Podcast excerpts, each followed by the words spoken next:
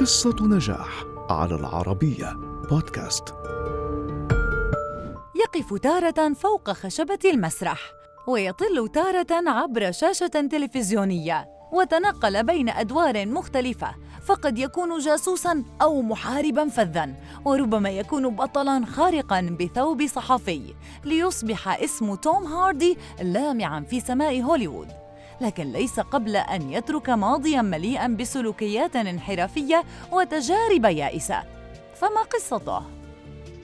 ولد إدوارد توماس هاردي عام 1977 في لندن لعائلة مبدعين فوالدته رسامة ووالده كاتب. ومع ذلك عانى خلال طفولته من مشكلات كثيرة فقد كان يشعر بالخجل من مظهره وشخصيته الحساسة كما كانت علاقته مضطربة مع والده بسبب سلوكياته غير المتزنة. فطالما وقع في مشكلات في مدرسته أما أثناء المراهقة فقد بدأ رحلة صعبة مع إدمان الكحول ولاحقته تهم تهريب المخدرات وفي واحدة من التجارب السلبية قبض عليه بتهمة حيازة السلاح.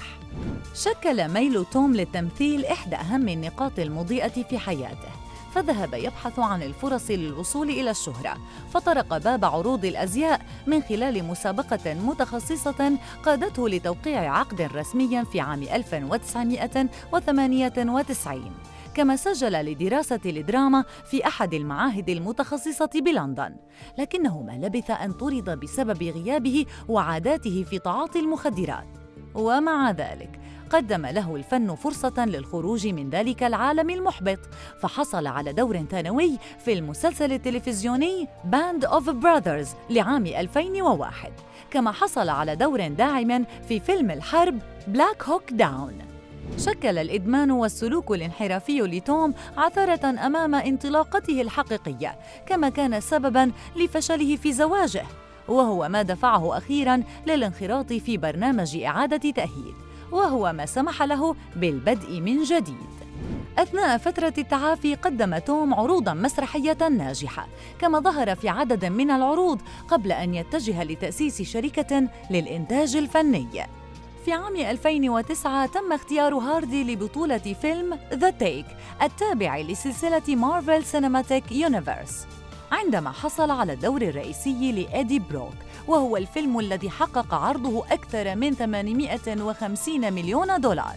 وهو ما أهله للحصول على شخصية فينوم في فيلم There Be Carnage التابع للسلسلة نفسها في عام 2021 وفيما كان توم شابا منحرفا أصبح منتجا فنيا وأصبح مقبولا لأداء العديد من الأدوار البطولية في أفلام ناجحة مثل ماد ماكس فيوري رود ودانكيرك وليجند وذا ريفننت وويذرينج هايتس وورير وذيس مينز وور وذا دارك نايت رايزز وغيرها.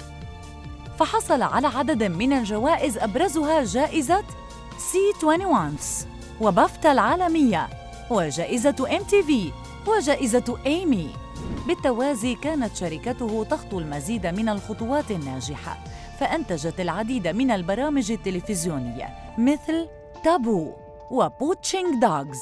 كما أبرمت عقداً جيداً مع شركة NBCU العالمية والشهيرة في الإنتاج في عام 2014 قدم هاردي نحو خمسين عملاً فنياً خلال مسيرته حتى اليوم وجمع ثروة تقدر بنحو 55 مليون دولار ليصبح أحد أهم نجوم هوليوود ومن أكثرهم أجراً. لكن النجاح الحقيقي كان تحوله من مدمن مضطرب إلى نجم وشخص ناجح يشار إليه بالبنان.